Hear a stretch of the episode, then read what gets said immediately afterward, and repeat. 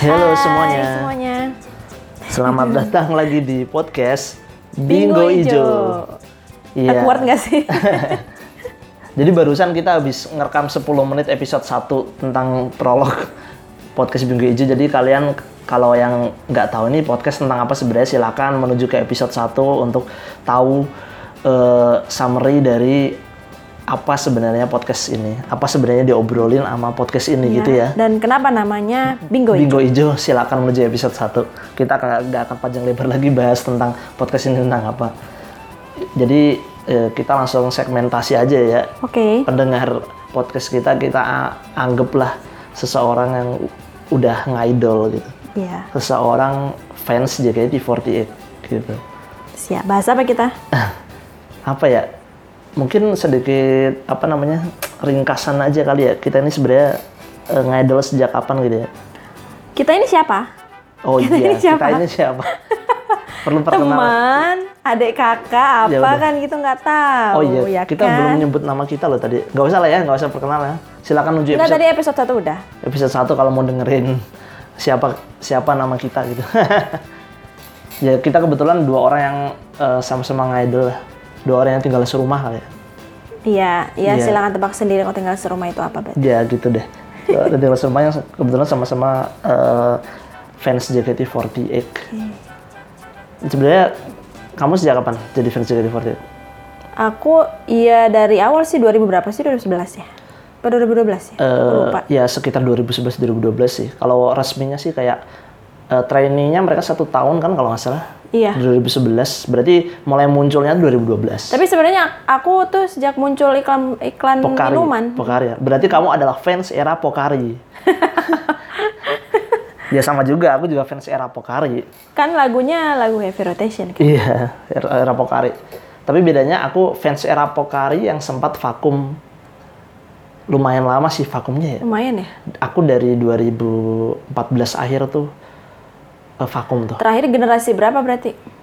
Generasi nggak tahu eh, generasi tiga ya, baru, baru generasi tiga masih baru tuh. Itu udah vakum. Udah vakum. Itu udah berubah 14 apa 15 apa 13 ya? Ya lupa deh. Ya pokoknya sekitar 2014 pertengahan atau akhir aku lupa tepatnya. Pokoknya generasi tiga masih baru. Masih baru generasi tiga. Tuh aku udah vakum lah. Oke. Jadi aku nggak ngikutin tuh setelah generasi tiga. Nah, banyak kan lumayan lama kan.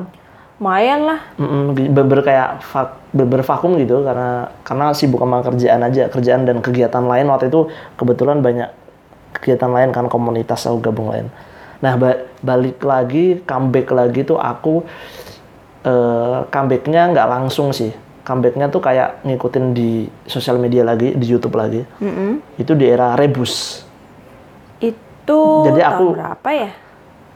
Rebus tuh berarti tahun 2000 Ribus itu pas eh, Melody jadi GM ya? eh Melody jadi GM tahun berapa itu ya 17 ya 2017-an kayaknya ya? 17-an ya. Nah, itu baru mulai lagi tuh. Tapi itu juga eh, ngikutinnya dikit-dikit aja. Jadi bisa dibilang aku f- eh, era Pokari tapi kemudian menghilang dan kemudian balik-balik lagi di era Rebus. Jadi bisa dibilang aku fans era Rebus juga kali. fans era. Rebus gitu. Jadi eh, pas Melody jadi GM aja. Tiba-tiba jadi balik-balik tuh udah kaget gitu loh. Kok Melody udah jadi Iya. GM aja. Aku Udah bukan tahu. aku- member. Iya udah bukan member. Udah berjilbab aja gitu. Aku gitu tuh waktu balik-baliknya. Terus kalau kamu tuh gimana?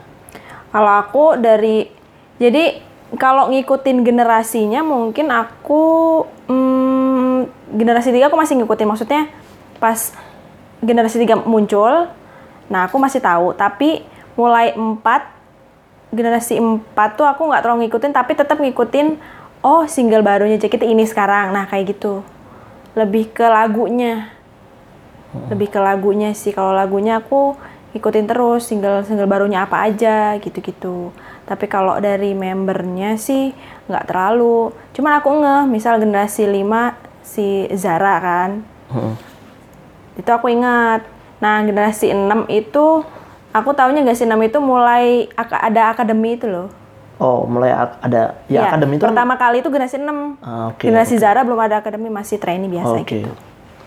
Nah, itu pas kinal jadi capsec. Itu era rebus kan berarti? iya kan ya era Re- melodi. mulai iya. mulai ada akademi kan era rebus kan Iya, makanya itu, mulai gokil. dari generasi 6.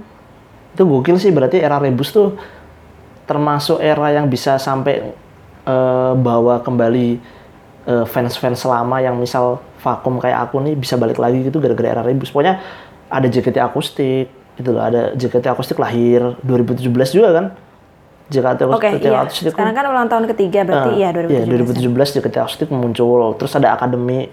itu kan era-era Akademi rebus. itu yang paling ini sih. eh, ya terobosan lah ya. Terobosan. Kalau dulu kan trainnya kan cuma bisa backup backup. Iya backup. doang, Sekarang kan. malah ada sendiri setlist sendiri. Jadi Akademi. udah nggak gabut lagi tuh jadi Iya. jadi trainee. Jadi kayak ya udah gitu emang. Ya diakui lebih diakui lah. Aku lebih senang sih. Lebih senang yang zaman akademi sih ketimbang yang trainee. Kursi Oke, dulu. lanjut. Iya. Apa namanya? Nyampe mana tadi ya? Oh, akademi, iya. Jadi eh, aku tuh mikir era Rebus tuh salah satu yang berhasil ngeba ngebangkitin lagi hype eh, JKT48 sih. Karena emang kayaknya ke- kebetulan pas aku vakum tuh kayaknya kalau aku terus eh, pas pas aku comeback lagi era Rebus tuh aku ngeliat-ngeliat Sokma tuh pernah banyak yang ngomongin kalau era-era generasi 4, generasi 5, eh generasi 4, generasi 5 itu sempat kayak emang turun hype-nya. Turun ya? Jadi kebetulan pas aku vakum itu juga emang era di mana JKT lagi turun juga katanya. Kayak kayak i- yang itu yang kemudian klimaksnya itu, klimaksnya GM terdahulu sebelum Melody bunuh diri, Iya. Jiro Jiro Jiro-san. San, iya.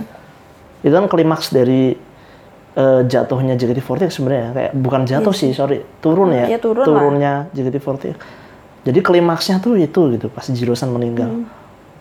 Kemudian Melody terpilih jadi GM dan dia melakukan banyak terobosan, rebus itu benar-benar Sirkus, sirkus kan sirkus juga, sirkus kan hasil dari rebus kan. Jadi berhasil sih itu apa namanya rebus tuh berhasil naikin hype lagi. Ya buktinya sampai fans lama kayak aku balik lagi gitu. Dan rupanya beberapa orang teman kantor aku juga gitu. Dika itu kan teman kita itu apa namanya? Dia juga sempat vakum kan. Balik-balik itu dia emang di era rebus. Balik-balik tuh di era di mana uh, Melody udah jadi GM gitu emang terbukti emang sampai bisa bawa balik fans lama yang sempat vakum tuh. Rebus kan berhasil. Melody tuh keren lah ya. Iya. Apa hasil Melody dan kawan-kawan ya pastinya. Jadi kayak titik baliknya itu ya di era Rebus itu sih. Iya, sekarang udah generasi 10 aja. Iya generasi 10 aja. Dan lagi ngadepin challenge yang cukup gede ya di Oh, iya, masa benar. pandemi gini 2020. Uji lagi jadi pas lagi naik. Sekarang kan kayak JKT lagi naik banget. Iya naik lagi. Pas lagi naik banget tahun 2020. Jebret. Jebret kena pandemi Ada corona ya. Ya, iya. emang begitulah. Maksud aku sampai di podcast podcast lain tuh orang-orang podcast yang bahas kayak kita ini yang bahas JKT itu udah banyak juga sebenarnya. Dan juga selain itu kayak box to box podcast lain, podcastnya Pangeran Siahaan itu kan juga ngerekrut ex member ex member JKT48 Rahel, Sisil dan kawan-kawan itu jadi podcast roommate. Dan juga eh, ada podcast otaku lain bin- ngajak bintang tamunya member JKT kayak gitu. Artinya bangkit gitu awareness terhadap JKT48 naik. Dan yang akhir ini eh, sering kedengaran tuh kan so- eh, admin-admin Sokmed klub-klub bola sering eh, pakai quote-quote dari lagu-lagu JKT. Iya ya. Iya, terus suka modus-modusin ex member Hmm. Vini kayak gitu, Rachel. Suka di modus-modusin admin admin bola, admin eh, teks online shop kayak gitu-gitu. Jadi kayak kayak awareness terhadap JKT48 emang naik naik naik banget itu sekarang lah 2020. Iya. Apalagi eh, Zara main film, wah, itu udah gokil sih. Maksudnya sampai terkenal bang, maksudnya berdatangan fans-fans baru juga Iya. dan eh, nama JKT48 juga disebut di mana-mana. Lagi naik-naiknya lagi gitu ya. Sekarang ya One kan era One. Oh iya, sekarang udah bukan rebus ya. Udah re- era One selanjutnya. Tapi eh malah ada Ya, masa putar otak lagi. challenge pandemi kayak gini ya.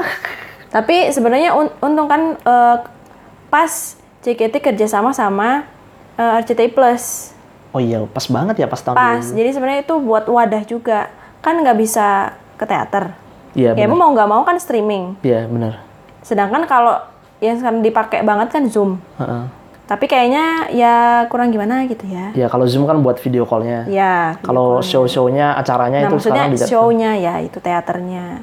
Pas banget emang eh, kerjasama sama RCTI Plus. Kan sebelumnya sebelumnya kan itu untuk fans Far yang nggak bisa nonton teater Iya, yang benar-benar. apa live teaternya itu bakal ditayangin juga di Hmm. RCTI Plus kan. Ternyata emang alih fungsi sih. Ya bener bener sih teaternya tetap via Iya. apa ke RCTI Plus. Bedanya nggak ada penonton. Iya. Jadi kayak pas banget ya pas lagi masa pandemi untung kerja sama sama live stream Jadi platform live ya streaming. nggak ada yang sia-sia sih. Jadi ya pas banget untung banget lagi jalan ngadepin challenge pandemi kayak gini. Challenge. Cuman ya ya karena nggak ada penonton jadi eh hype kan biasanya kalau kita nonton live streaming itu pas emang beneran ada live teaternya itu kan rame gitu rame ada ada penontonnya chantnya kedengeran ya bedanya itu aja sih jadi Hmm. kurang gimana gitu ada yang kurang aja gitu kalau nggak ada chant-chantnya mereka Hmm. gitu Iya iya. dan like stick like stick itu gitu Kamu dulu eh, ini mungkin di episode ini kita bahas tentang kenapa kita eh, Iyalah ya. ada di dalam ini. kayaknya panjang gitu Se- sebelum menuju ke hal-hal detail, ke hal-hal detail selanjutnya. lainnya gitu. Karena kenapa kamu awalnya cerita? Eh, Apa? awalnya cerita, awalnya gimana kamu suka sama JKT48? Ya, mm, ya itu kebenaran aja sih kayaknya ngelihat iklan itu tuh. Terus ya tertarik lagunya kan emang eh, gimana ya V-Rotation itu emang easy listening menurut aku sih kayak hmm, ya enak aja sebenarnya didengar gitu. Setelah Heavy Rotation kamu dengerin lagu apa? Setelah V-Rotation, Aita Kata. Oh, Aita Kata. Jadi kamu, eh, eh, tapi kamu udah kenal AKB48 dulu sebelumnya? Enggak. Enggak ya? Jadi kebalik orang-orang mungkin kebanyakan kan emang EKB duluan. Kalau fans awalnya ya? Iya. Iya, kalau emang fansnya 48 Family. Heeh. Pasti taunya EKB duluan, baru wah sekarang ada sendiri di sini ada di JKT gitu. Aku enggak, aku nggak tahu sama sekali. Abis tahu JKT baru aku kepo Iya, iya, iya. sama EKB-nya, sama sister, eh maksudnya sama ya induknya lah ya. Tapi pada dasarnya karena kamu emang suka sama lagu-lagu Jepang iya ya? sih, bener. Iya. Aku suka lagu Jepang, jadi otomatis aku pasti habis eh, dengar lagu JKT, aku pasti kepo ke versi bahasa Jepangnya. Kayaknya mayoritas fans era Pokari. Iya, fans fans era Pokari itu Pokari. eh em, apa, apa namanya menjadi fans JKT mestinya terlibat dalam fandom JKT48 itu awalnya mayoritas ya mayoritas saja ini emang karena orang-orang yang menyukai eh, lagu-lagu Jepang lah. atau eh, sesuatu tentang Jepang wibu lah bahasa sederhananya. film Jepang animasi Jepang anime kayak gitu atau penyanyi-penyanyi Jepang. Pokoknya yang suka-suka kayak gitu tuh yang cocok sama kultur Jepang tuh kayaknya mayoritas fans JKT era Pokari itu gitu. Itu salah satunya a- aku nih salah satunya. Kalau aku kan tahu dulu AKB48 AKB48 tahu dulu dulu dari teman kuliah waktu itu si Adit Adit teman kuliah Eh iya iya. iya kalau aku tahu dari situ dulu Kita kan kuliah 2007 sampai 2010. Oh, mungkin aku agak lost, Lost ingatan. me- lost memory Lost memory ya. Jangan-jangan kamu Tapi eh sebenarnya kayaknya iya deh. Jadi sebenarnya kayak sebelumnya tuh udah ngeh sama si teman si Adit ini. Iya iya benar benar benar.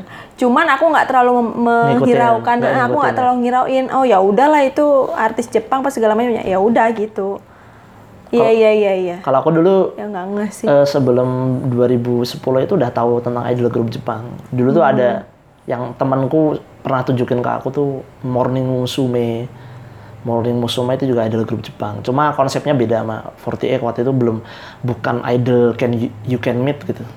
Oh Belum iya, dulu, bukan iya. tumbuh kembang bersama fans itu belum ada. Ya kan ya emang yang pertama kali ngeluarin itu kan 48. Cuma waktu itu terus kemudian sebenarnya MB48 kan udah ada tuh di 2007 ke atas kan udah, ada udah favorit kan. Jadi selain Morning Musume terus aku tahu 48 Group, AKB gitu kan. Jadi nah itu AKB yang bedain AKB48 kan dari Morning Musume waktu itu. Sama-sama idol group tapi konsepnya tumbuh berkembang bersama fans. Idol yang dapat kamu temuin langsung. Nah itu baru tuh emang. Baru ya. di situ emang yang bikin unik dari AKB48 dengerin lagu-lagunya tuh dulu. Nah, terus kemudian JKT48 datang ke Indonesia. Sebenarnya beberapa orang yang suka AKB48 duluan dulu kan sempat skeptis sama JKT malah dianggap apaan sih ikut-ikutan bikin kayak AKB48 beberapa malah nganggap itu bukan franchise awalnya ada yang nganggap pernah dengar aku plagiat plagiat Iya. semua. padahal itu franchise resmi gitu. Masih resmi ya. Ya. dan beberapa orang nggak suka sama JKT48 dulu. Temanku yang aku kenal yang suka AKB48 duluan tuh Hmm, gitu. sinis gitu terhadap JKT48 kalau aku sih seneng-seneng aja mas tahu kayak nggak ada yang salah gitu. Franchise kan franchise resmi. Franchise resmi dan akhirnya apa yang aku cuma tonton di video-video AKB48 waktu itu bisa eh, dirasakan gitu di JKT48 gitu experience-nya tuh ada di Indonesia kan menarik gitu jadi aku salah satu orang yang berangkat dari eh, kelas wibu itu sih asik kelas, Kelas wibu. padahal nggak wibu-wibu amat Iya, iya. Padahal cuma orang yang suka dengerin lagu Jepang aja. Jadi gitu. Jadi aku gitu tuh. JKT itu akhirnya mulai tahu tuh era Pokari. Era Pokari. Heavy Rotation mah udah legend banget lah ya. Saya bosan Iya, apa ya, Ya lagu eh, kayak lagu wajib lah di mau di konser kayak mau di mana mana itu pasti ada lagu. Tapi emang sesuai namanya Heavy Rotation. Kamu kamu tahu nggak maknanya Heavy Rotation tahu? Pak? Oh, kayaknya pernah ada yang jelasin tapi Iya. aku bodoh. Jadi heavy rotation itu tuh istilahnya digunain di dunia radio, di dunia radio, di dunia apa namanya broadcasting gitu, untuk nyebut sebuah lagu yang sering diputar berkali-kali di radio. Hmm, Jadi kayak ketika lagu itu diputar terus waktu kita dengerin di radio atau di TV atau di mana-mana sering di kita dengar, kita punya istilah untuk lagu itu, wah ini lagu heavy rotation banget. Jadi di rotate terus, rotate terus.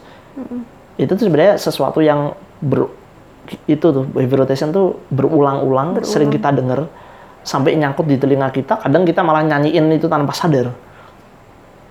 Nah jadi pas banget single pertama JKT itu, Heavy Rotation itu sesuai dengan namanya diputer di mana-mana dan semua orang taunya Heavy Rotation. iya pasti. Sampai sekarang pun JKT orang itu tahu taunya nempelnya heavy rotation dia lagu JKT itu sesuai namanya Heavy Rotation itu itu. Mungkin beberapa orang nggak nggak ngerti kalau ya istilah Heavy Rotation Hmm. apa. Nah itu ini eh, apa namanya itu tadi penjelasannya aku jelasin. Heavy Rotation itu, itu Oke. kayak gitu. Osi kamu siapa Osi kamu? Rizka masih Wah. ada sampai sekarang generasi satu guys. Emang bener-bener ini fans era Pokari ya. Oh kari banget. Emang era Pokari ini fansnya Gen 1 gitu.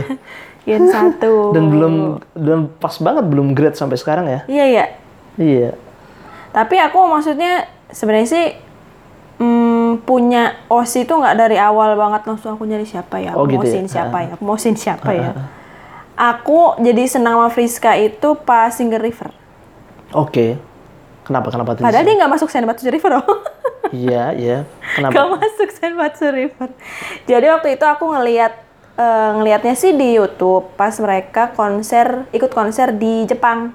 Oke. Pertama kali River dibawain itu Mm-mm. pas mereka konser di Jepang bareng sama AKB. Hmm. Itu pertama kali Single River dibawain sebelum dibawain di Indonesia. Itu Friska waktu itu ikut. Ikut makanya aku senengnya tuh dari situ. Oh, jadi pas mereka bawain di Jepang tuh Friska ikut bawain River ikut. walaupun dia bukan Senbatsu River. Bukan. Hmm. Pokoknya eh, terus di situ Friska kesorot terus. Oke. Suara terus. Nah, di situ aku juga udah ngeh. Friska itu adiknya Melody. Hmm. Gitu. Cuman senangnya ke Friskanya sih. Kalau orang pasti senangnya ke melodinya kan. Iya, iya, iya. Aneh kamu emang. itu osis sejuta umat, itu udah osis Melodi melodi, melodi gitu. Nabila, melodi Nabila, melodi iya. Nabila. Ya udahlah gitu, udah banyak lah.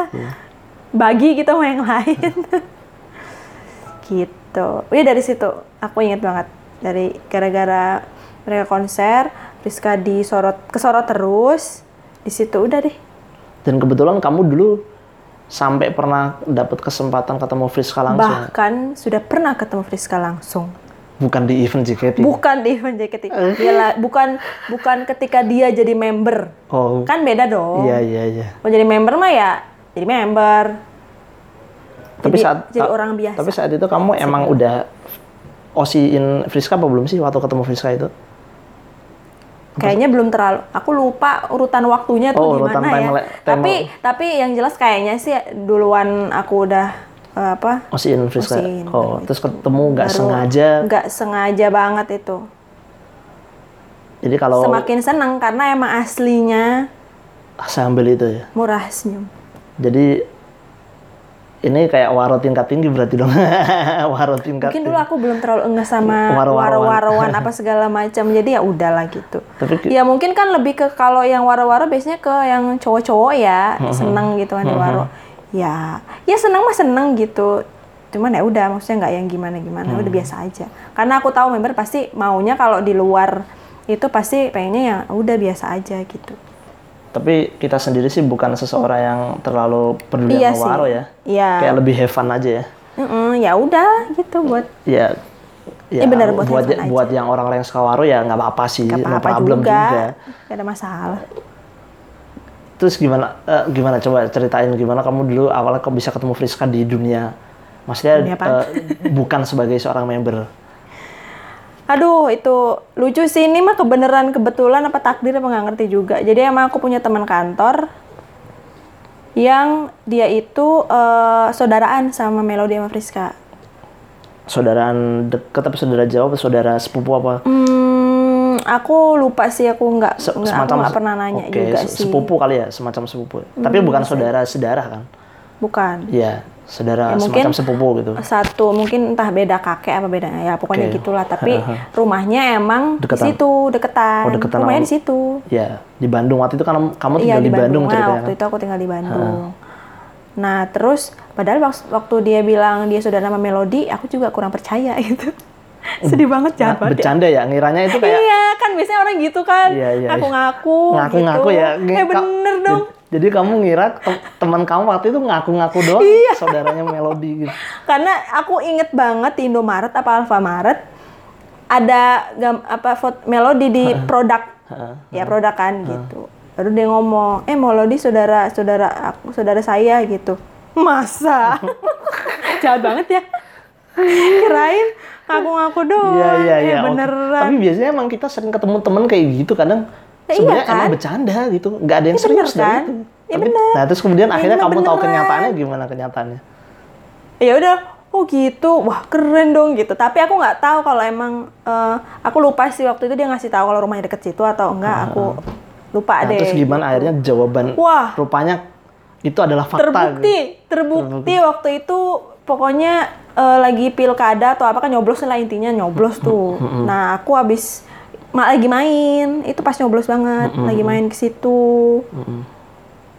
Eh tahu-tahu aku lagi pokoknya abis jajan terus balik ke situ lagi ada Friska lucu banget ya. Lagi main ke rumah teman iya kamu itu ya? iya abis nyoblos dia di situ. Oke, ya kan di situ juga berarti abis- nyoblosnya. Iya, iya, iya. lagi main ke situ ada sama ibunya juga kalau nggak salah. Heeh. Wah, tapi melodinya nggak ada Friska doang waktu itu. Oh, pertama kali. Friska. Nah, justru itu pertama kali aku ketemunya sama Friska, bukan sama melodinya. Oke, oke. Ya udah, habis itu Tapi kamu nggak bilang kan saya fans JKT gitu enggak kan? ah, enggak sih, tantenya cuma bilang ini Friska ya dari JKT. Iya, iya udah tahu kok. Oh, gitu. ibunya aku ngomongnya gitu. ibu- bukan ibunya, eh ta- ini tantenya temen eh kakaknya temen kantor aku. Oh, kakaknya teman kamu itu ngomong, "Oh, ini dari JKT." Ini Friska dari JKT. Iya, iya teh tahu kok gitu. ya udah sambil senyum aja. Dikenalinya seperti itu ya, kocak juga. Iya aku inget inget banget udah nempel deh itu. Iya dengan senyumnya sama benar-benar kayak ya yang kayak di ya aku ngeliatnya di TV atau nggak YouTube. Terus ngobrolnya gimana? Ngobrol-ngobrol nggak? Atau ngobrol basa-basi aja? Kayak waktu itu aku jaim-jaim gimana gitu kan Oh, ya udah enggak. biasa aja. Soalnya kamu terlalu, mungkin terlalu starstruck kali istilahnya. ya. Iya, ya namanya ini terus takut juga maksudnya ya kan aku tahu pasti pasti dia pengennya juga aku biasa aja tuh Iya, biasa walaupun- aja. Iya, Iya, Ma. walaupun aku pengennya wow wow gimana gitu atau ngobrol sok sok SKSD, tapi sudah emaknya jadi nggak enak juga ya udahlah gitu, biasa aja. Hmm. Pada akhirnya biasa aja. Iya, jadi malah gitu. Udah nggak menyesal juga ya udah biarin aja gitu.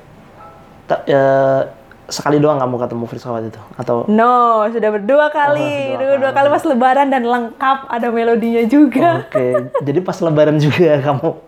Gimana tuh yang lebaran kamu bisa ketemu lagi? Eh, seingat aku waktu itu aku lebaran orang tua mudik, aku yang enggak gitu. Kalau nggak salah ya. Jadi daripada aku gabut kan, nah aku main lebaranan ke situ, main tuh. Ya aku juga nggak tahu kalau mau dateng kan. Hmm. ya main main aja seperti biasa wih datang lengkap tuh kan tiga bersaudara tuh. Melody Friska sama Citra satu lagi kan. Lengkap ya kayaknya mak bapaknya juga ada di situ semua. ya udah di situ aku pertama kali ngeliat Melody. Ya Melody Melody. Udah berasa buluk banget ya itu waktu saat itu juga. Berasa pengen aduh sampai nyemplung aja deh udahlah. Ja- Jadi kamu udah pernah ngerasain lebaran bareng iya tuh. Melody dan Friska. Eh, apa namanya? Fans mana coba? Fans mana Nggak perlu disombongin. nggak perlu juga sih biasa aja Iya, sebenarnya biasa aja dan ini kan sesuatu yang nggak disengaja sebenarnya. nggak sengaja banget ya udah cuman itu doang sekali itu doang udah Iya, jadi kayak ya sesuatu yang nggak disengaja ini sebenarnya. Cuma untungnya kamu nggak norak ya. Eh, aku menahan diri untuk tidak untuk- norak sih untuk nggak Dan norak. gue ntar diusir lagi dari situ Nggak tahu kalau kamu sebenarnya eh, Seneng gitu. fans JKT termasuk fans JKT termasuk Woti, asik Woti. Termasuk Woti kali. ya karena tau lah mereka pengennya juga pasti biasa aja Mm, Jadi Nggak emang yang gimana-gimana. Iya, kayak ya misal pun eh, emang kita ketemu sama member juga di dun- maksudnya dia nggak lagi kerja nih. Ya udah kita bersikap Emang biasa, biasa aja. aja. seperti kayak ini. Kalau misal kita ketemu di jalan dan kita nggak kenal ya udah nggak usah ngapain sosok kayak eh sok kenal SKSD. Kebetulan kan kamu adalah iya biasanya kan kalau ketemu artis eh foto dong foto dong ya kita juga tahu kan aturannya gimana gitu Iya, heeh. Dan kamu kebetulan sebenarnya ketemunya emang dalam konteks yang Ya, karena kamu kenal teman kamu terus kamu Iya. emang maksudnya kamu sama teman kamu kan udah kayak keluarga juga ya. Kan akrab banget kan sama teman kamu itu. Jadi eh, kayak nggak sengaja gitu ketemu dalam momen keluarga nggak kebetulan. sengaja juga udah udah nggak sengaja itu mah ya mana tahu kan gitu ya Iya. emang Pas lebaran Entahlah. juga pas lebaran itu juga kamu karena eh, bapak ibu lagi mudik tapi kamu nggak Iya, ikut mudik kan tahun itu. mudik. Jadi kamu diajak sama teman kamu buat ya amaze lebaran ya bareng. amaze-nya sih cakep cakep banget ya Iya.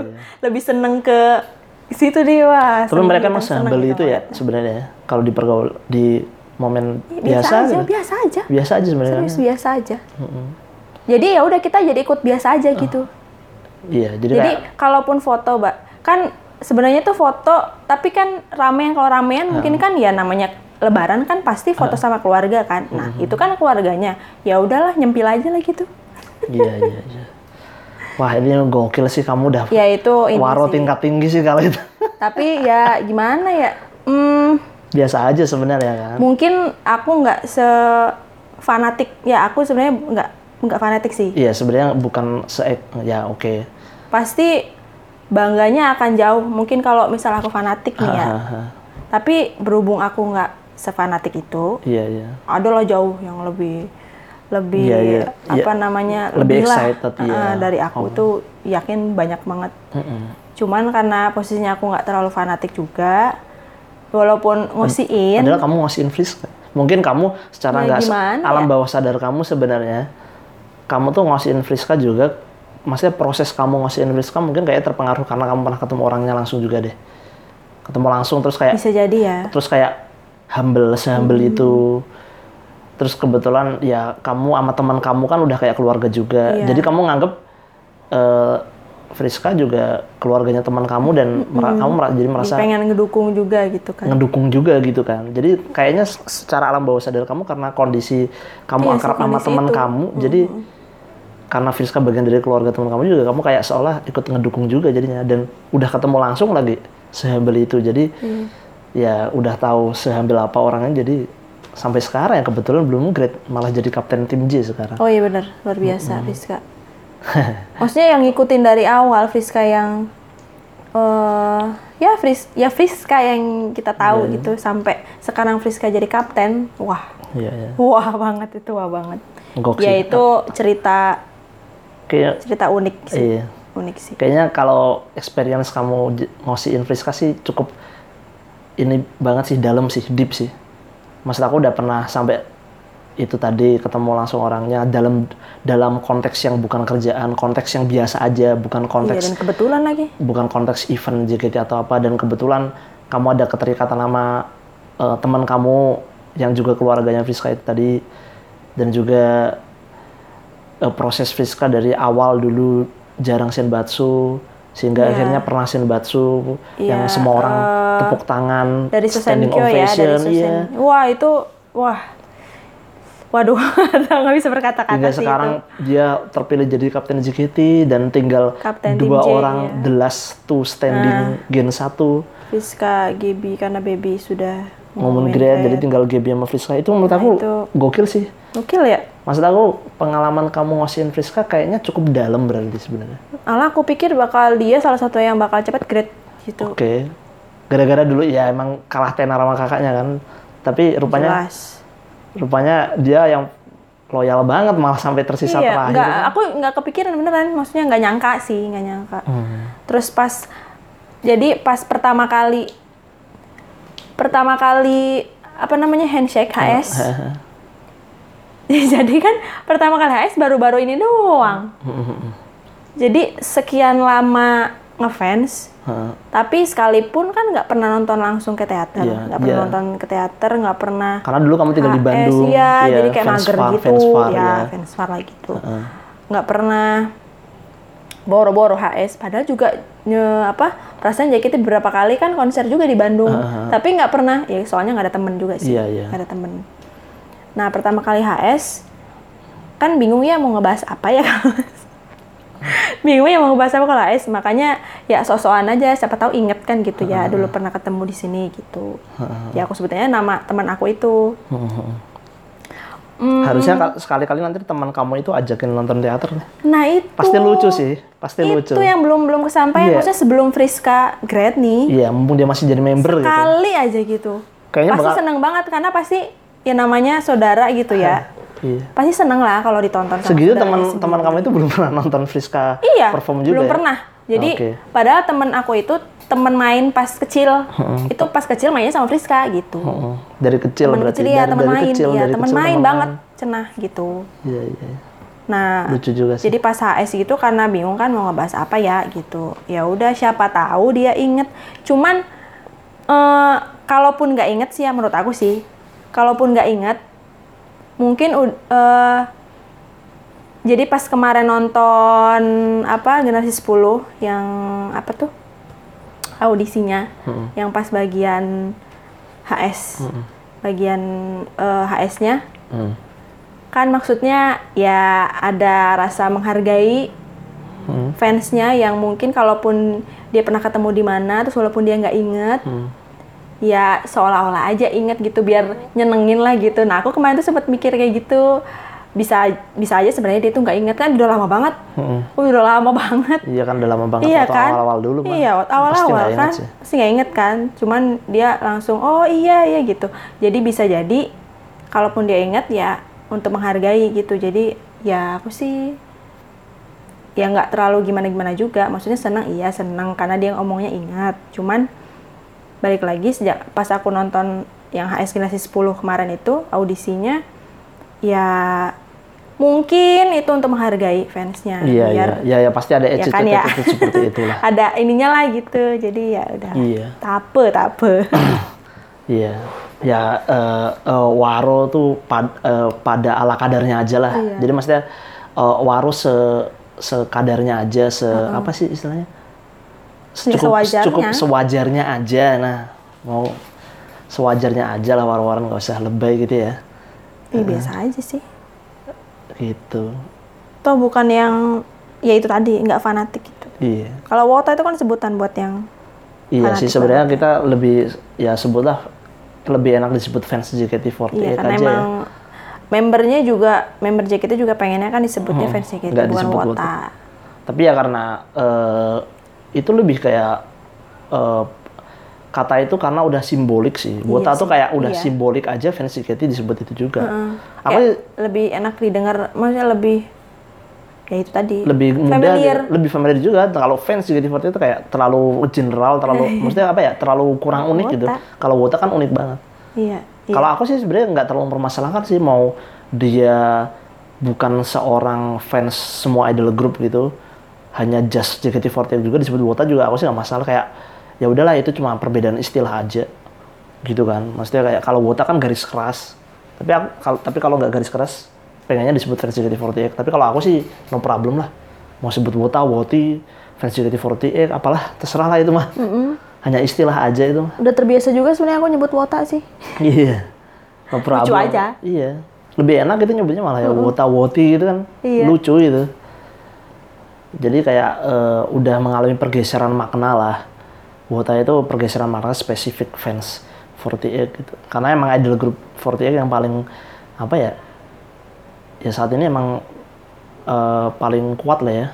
Paling kuat paling lama bertahan itu 48 grup makanya akhirnya Wota identiknya sama 48 gitu. Walaupun sebenarnya Wota bisa disebut fans morning musume mungkin disebut juga Wota bisa juga gitu sih. Wah jadi banyak ngobrolin tentang cerita ngosiin kamu. Iya nih, ya udah kamu osinya siapa? nggak ada aku nggak bukan sorry. Aku gimana ya osinya gonta ganti. Gitu ya? jadi kayak banyak gitu. Jadi kayak sukanya tuh musiman. Kayak eh, kayak mungkin di bulan eh, Januari sampai Maret aku sukanya lagi sama siapa gitu. Ntar tiga bulan kemudian bisa berubah-ubah makanya lebih aku nyebut diri aku sebutnya ho- hako osi. Hako osi itu istilah untuk seseorang yang lebih mendukung grup daripada spesifik member gitu. Hmm. tapi aku nggak bilang aku nggak punya osi. Jadi kalau osi aku tuh banyak gitu. Bisa berganti-ganti gitu. Jadi lama kelamaan aku jadi seseorang yang kayak tidak terlalu fanatik ke satu member. Jadi kayak eh, ke siapa aja member ke banyak member gitu. Ke beberapa banyak member yang aku suka ya aku suka gitu. Apa ya istilahnya? Jadinya gitu gitu deh pokoknya. aku pokoknya dia kayak banyak member lah yang aku suka. Akhirnya ya suka secara 48 intinya kalau JKT48 ya mendukungnya lebih ke grup itulah. Nggak nggak bener-bener fanatik ke satu member gitu. Tapi kalau mau disebutin dulu misal gen satu ya ah, yang aku suka tuh. Yang aku suka tuh gen satu dulu eh, eh, Nabila tuh aku suka juga termasuk mainstream aku Oh gitu. Nabila Oke oke oke. terus JJ Oh JJ. oke. JJ Sandy Hmm. JJ Sandy siapa lagi ya Sanju Oke. terus siapa lagi Gaida banyak gitu masing-masing itu punya karakter sendiri terus kalau yang terakhir ini ya yang akhir-akhir ini aku sukaan aja nih tapi udah mulai udah pada gede tuh kayak Puci Angel kalau Ya masih ada Desi yang masih ada Desi. Desi Desi Eril ntar Atau yang ini? Gaby yang juga suka Gaby Baru masuk tim? Gaby suka. Mira Ara itu akademi kan yang baru eh akademi yang baru masuk tim T sama tim K kan. Ara Iya. Mira. Oh Sinta Devi kalau yang generasi baru. Si Wibu itu Wibu. Wibu aneh. Oh Nadila kok lupa sih. Nadila. juga tuh suka tuh. Nah bingung kan kalau ditanya aku suka mana? Banyak soalnya jadi kayak musiman gitu sukanya Hakosi sebutannya ya udahlah Ya udahlah ya. sampai sini aja lah kebanyakan Panjang ceritanya ini. Kapan-kapan kita nanti kita lanjut lagi ke cerita hal lain lah yang lebih spesifik ya. Oke. Ini ini tuh kayak pembukaan aja lah pembukaan podcast Bingo Hijau. Nanti kita akan bahas hal-hal lain tentang idol group ini ya. Oke ya. Bye. Bye.